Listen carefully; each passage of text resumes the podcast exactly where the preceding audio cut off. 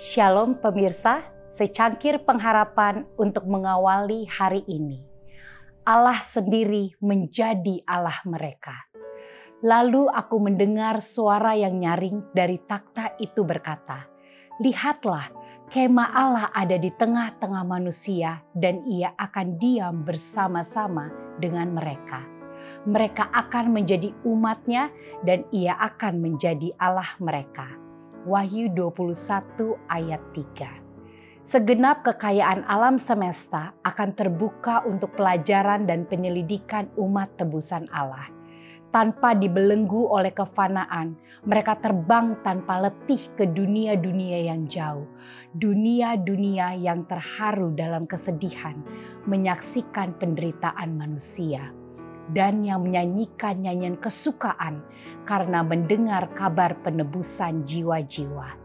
Dengan kesenangan yang tak terkatakan, anak-anak dunia ini berbaur ke dalam sukacita dan hikmat makhluk-makhluk yang tidak jatuh itu.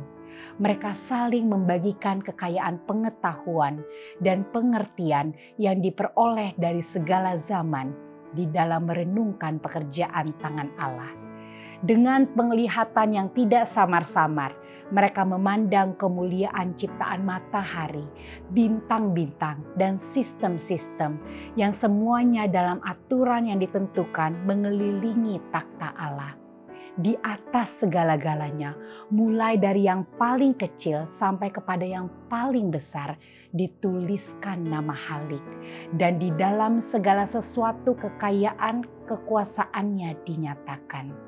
Dan sementara tahun-tahun kekekalan bergulir, akan membawa pernyataan Allah dan Kristus semakin kaya dan semakin mulia.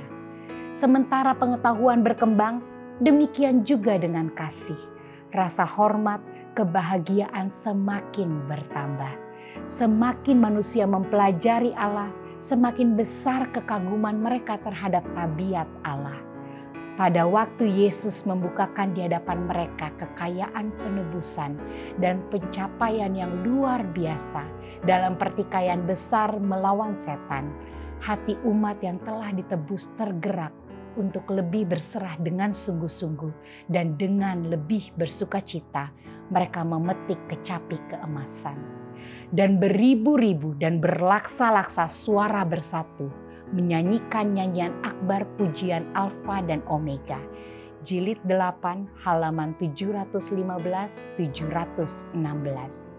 Demikianlah renungan kita hari ini, selalu mulai harimu dengan secangkir pengharapan.